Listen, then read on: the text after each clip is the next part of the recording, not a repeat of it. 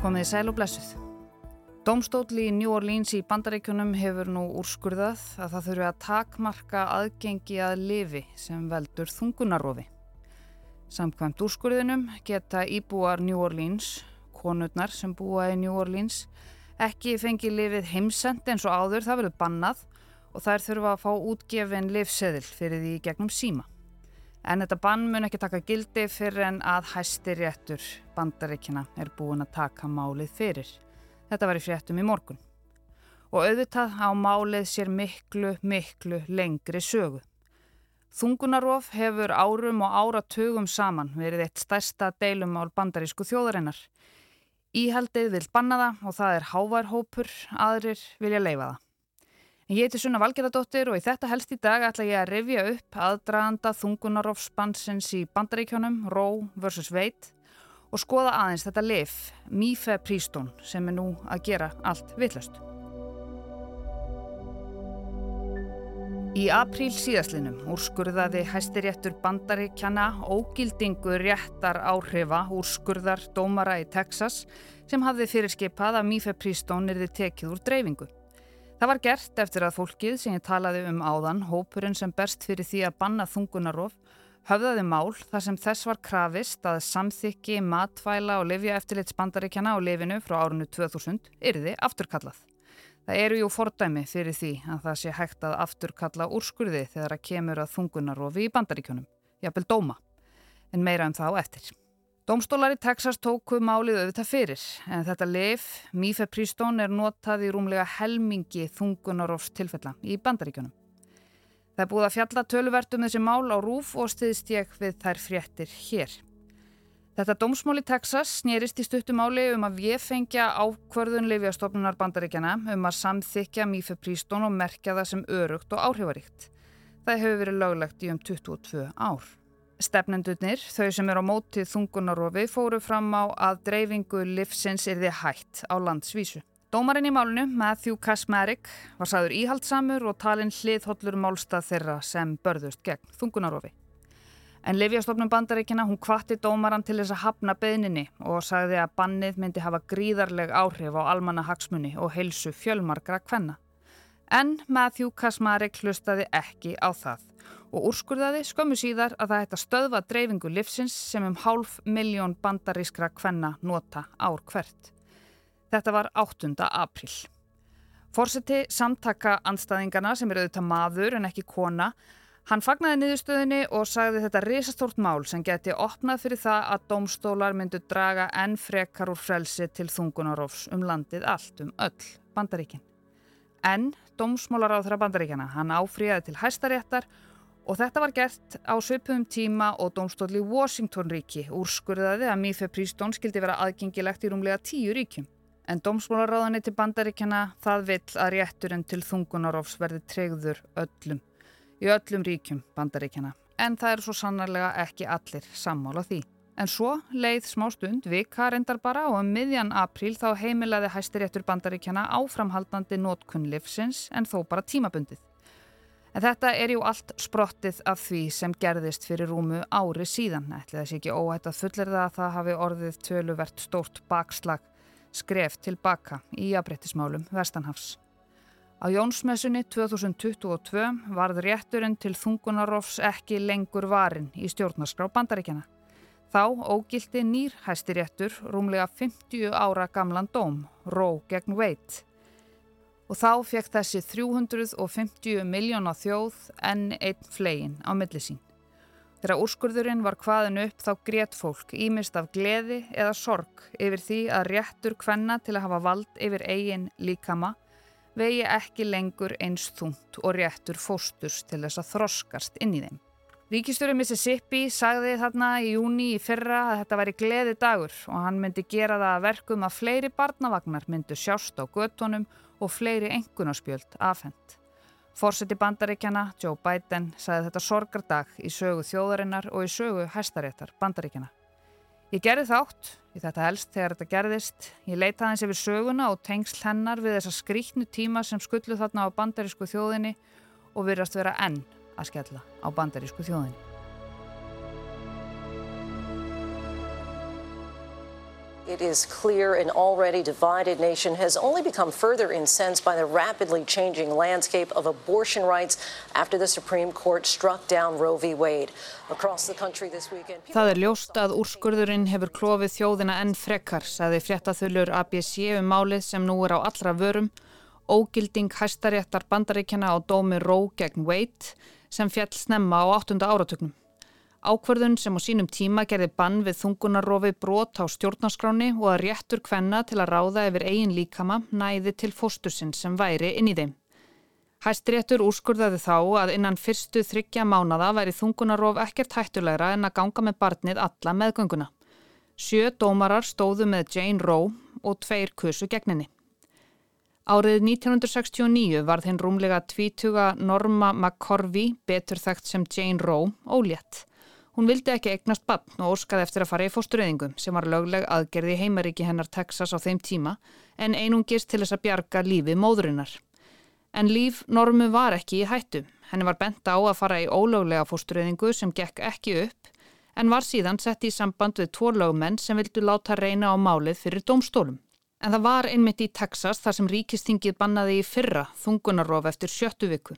Þá var farin svo leið að láta það ekki í hendur embættismanna að framfylgja banninu heldur einstaklingum. Þeim var gert kleift að fara í mál við þá sem gerðu þungunarof eða aðstóðuðu með einhverjum hætti við það. Þannig að þungunarofsmálin í bandaríkjónum egar sér langan og mjög flókin aðdraganda. Málið hennar normu matlaði í dómskerfinu í nokkur ár. Hún eignaðist barnið og gaf það til ætliðingar. Wade, sem Ró gegn Wade vísar til, var hér að saksóknari í Dallasíslu, Henry Wade. Norma sótti málið gegn honum þar sem að hann stóð fyrir lögin sem hún vildi ekki hlýta. Hæstiréttur samþykti að taka málið fyrir og þann 28. janúar 1973 ógildi rétturinn lögin, réttur konunar til að ráða yfir eigin líkama vóð þingra en réttur fóstursins til þess að þroskast inn í henni. Þessi úrskurður var enn einn pólariseringin sem skalla á bandaríkjunum og skipti fólki í tvær fylkingar með eða á móti þungunarofi, með eða á móti fóstureyðingum pro-life, pro-choice, með lífi eða með vali. Fylgjendur pro-life haldaði fram að ófætt barn eigi sama rétt til lífs og annað fólk og að ríkistjórnin eigi að vernda það. Pro-choice segja að fórstur eigi sér ekki sjálfstætt líf eins og aðrar manneskur, heldur hafi móðurinn, konan sem gengur með barnið, rétt á að velja hvað hún gerir við líkama sinn og stjórnvöld eigi ekki að skipta sér að því. Það þarf ekki að koma á óvart að þau sem hafa haft hvað hæst í andstöðunni gegn þungunarofi eru kristið fólk, evangelistar sérstaklega. Þar sem þau halda því fram að með því að binda enda á þungun konu á fyrirluta meðgöngu sé einfallega verið að fremja morð. Og það er svo sem alls ekkert bundi við bandaríkinn, þetta er líka lenska hérna á Íslandi. Kristnir sértrúasöfniðir hér eins og Kvítasunnu kirkjan, Smárakirkja, aðvendistarnir og Vottar Jehova eru líka alfarið á móti þungunarofi. Á heimasíðu Vottar Jehova er búið að setja greinina hvað segir biblían um fórstureyðingar á fórsíðuna. Og í greininni segir Biblían talar ekki beint um fórstureyðingar en það má sjá af mörgum versum í biblíunni hvernig Guð lítur á mannslífið þar á meða líf ófætt spartns. Lífið er gjöf frá Guði. Í hans augum er allt líf dýrmætt líka líf barns í móðurkveði. Að eigða fórstri jafngildir þess vegna mandrápi. Í lögum Guðs til Ísraelsmanna sagði Fljúist menn á og rekist á þungaða konu svo að barnið fæðist fyrir tíman án þess að annar skaði hljótist af, skal sá sem olli greiða þær bætur sem eigin maður konunar ákveður. En hljótist skaði af skaltu láta líf fyrir líf. En nógum það. Þungunarófslögjöfin hefur verið gífurlega umdelt í bandaríkjónum allar götur síðan rók gegn veit fjall þarna fyrir hálfri öll þó að þungunaróf hafi verið stjórnarskrárvarin réttur allra bandarískra kvenna síðan þá eða þanga til um daginn.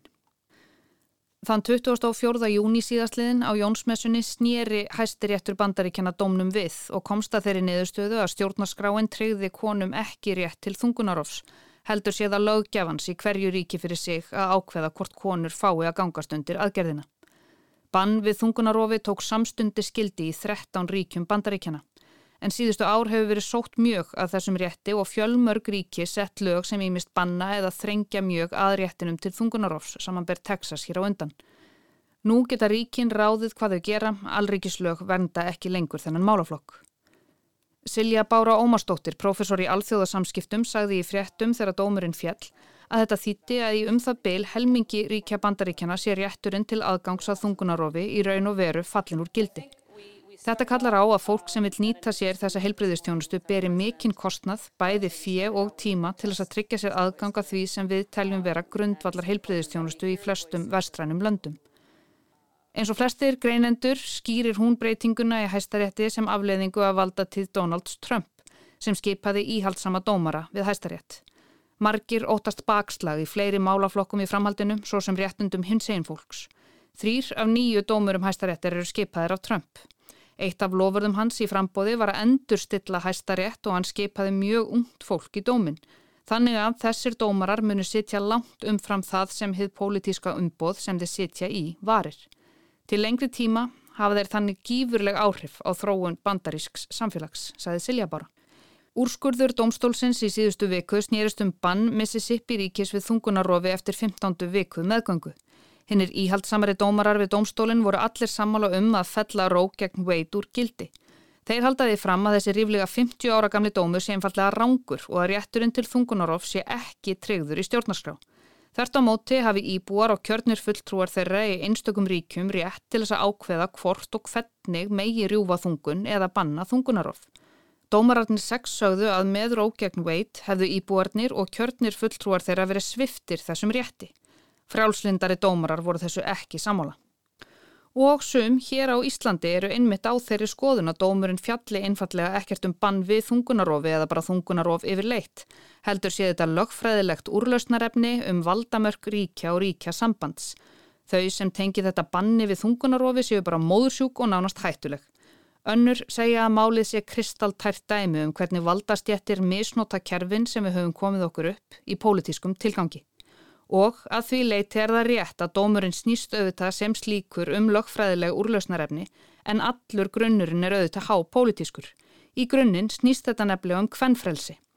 Og eins og alltaf þegar réttindi ákveðin að hópa eru skert, hér réttindi helmings íbúa bandaríkjana, kvenna, mun þetta bytna langverst á þeim sem eru verst sett fátækustu konunum sem eru með minnstu forréttindin eða jafnvel engin forréttindi. Brynjar Níelsson, lagmaður, fyrirvændi þingmaður og nú aðstóðarmaður Jóns Gunnarssonar dómsmálur á þram hefur ekki látið sér vanta í umræðina um þungunarofið, hvorki núna í tengslum við bandaríkinn, nýje vorið 2019 þegar Svandi Svavastóttir þá heilbreyðisráð þeirra laði fram frumvarp á alþingi um heimild til þungunarofs fram yfir 20. aðra viku meðgöngu. Máliði naut töluverðs stuðning stjórnarandstöðunar meðal annars hjá viðreist samfélkingu og pýrutum þó að flokkur fólksins og miðflokkurinn töluðu gegn því. Þrýr ráþherrar sátu hjá við atkvæðagreyslu það voru Bjarni Benediktsson, Guðlaugur Þór Þórðarsson og Lilja Alfredsdóttir. Brynjar létt úrskurð hæstaréttar bandaríkjana sig varða um daginn engum að óvurum svo sem og sagði eins og vitna var til hér áðan að það kæmi ekki fram í domnum að það ætti að banna þungunarof heldur að þau réttindi væri komin undir líðræðislega kjörnum fulltrúum, löggjafanum. Ef þungunarofi er mannréttindi varin af stjórnarskráni geti dómurinn ekki ákveðið einhver tímamörk. Birna Anna Björnstóttir, rittöfundur, hefur búið og starfað í bandaríkjunum um nokkurt skeið og er þar vel inn í málum. Hún sagði í fæslu á Twitter eftir að dómurinn fjalla við mættum ekki gleima að bandaríkinn væri með lítið sem ekkert velferðarkerfi sem stitti við barnsamandi konur og nýfætt börn og ríkin sem muni banna þungunarof séu þau sem veiti minnstan stuðning. Fólkið sem vil banna þungunarof sé sama fólk og vil minka þetta litla velferðarkerfi sem þó er til. Því sé sama um börn sem þegar eru fætt þetta snúist ekki um líf heldur um að halda konum niðri. Þetta var gert fyrir ári síðan og eftir að dómurinn fjall gerðu fjölmörg ríki þungunarof ólöglegt og 15 ríki hafa skert aðgang að lifinu Mífeprístón töluvert. En andstæðingarnir telja að ákverðin hæstaréttar hafi ekki gengið nógu langt og enn er þetta á borðum domstóla. Nú stendur til að áfrýja úrskurði New Orleans dómsins til hæstaréttar og við sjáum til hvað verður úr því. En í dag er þungunarof löglegt í 66 löndum í heiminum, allt frá Albaníu til Úsbekistan. Katholsk ríki eins og Kolumbia, Mexiko og Argentina hafa meira sér löglegt þungunarof eins og Afrikuríkin Tjad, Eþjópia, Kenya og Kongo. Suður Kórea, Brasilia, Mósambík, saminuðu arabísku fyrstadæmin og Suður Afrika eru líka á listanum. Eins og, og nú skulum við bara taka svolítið sjálf hverfa stafrósröð, Ísland, Indland, Íran, Írland og Norður Írland. En bandaríki Norður Ameríku eru ekki á þessum lista, þau eru á öðrum lista með Pólandi, El Salvador og Nicaragua. Þetta eru þau fjögur lönd heimsins sem hafa afturkallað lögleðingu þungunarofs. Kannski fjölgar bráðum á þessum lista, kannski fækkar á honum, maður veit aldrei. Fordæmalösir tímar eiga það vist til að endurtaka sig. Ég heiti Sunna Valgerðardóttir og þungunarof steilur bandaríkjana voru helst hjá mér í dag. Takk fyrir að leggja við hlustir og við heyrumst aftur á morgun.